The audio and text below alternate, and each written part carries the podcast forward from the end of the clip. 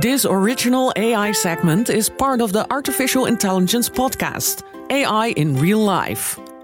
Episode The Case of AI in Media, Part 1. The OG AI. Steven Spielberg's movie AI, Artificial Intelligence from 2001, might be a misjudged masterpiece, which hides more than most people might have noticed 17 years ago. When the first trailer aired, one Jeanine Salla was listed in the credits as a sentient machine therapist. Educated at Bangalore University in engineering and machine intelligence, she seemed to have had been of great importance to the makers of the movie. But she never existed. But when you Googled her back in 2001, you would get a number of results, including her personal website.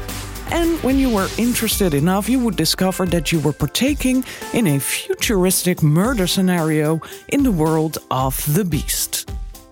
And so the game begins, because this was a game, a murder to be solved.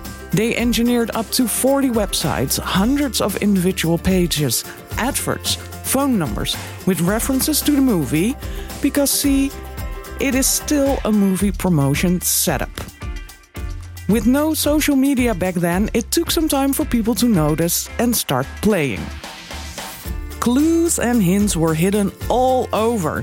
When you looked at an AI film poster, you would notice that hidden on the reverse, a series of ringed letters would spell out the words Evan Chan was murdered and Jeanine was the key. And there even was a hidden phone number in AI's American film trailer, which, when called, would provide you with a message.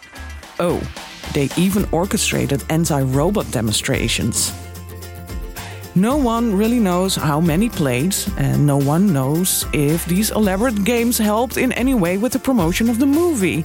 And to the disappointment of the creators, no one ever really found all the clues they left behind. Jeanine never existed, but she does have an obituary. Do you want to know the whole story? Check our friends at denofgeek.com. Listen to the whole episode on bnr.nl slash AI podcasts or in your favorite podcast app.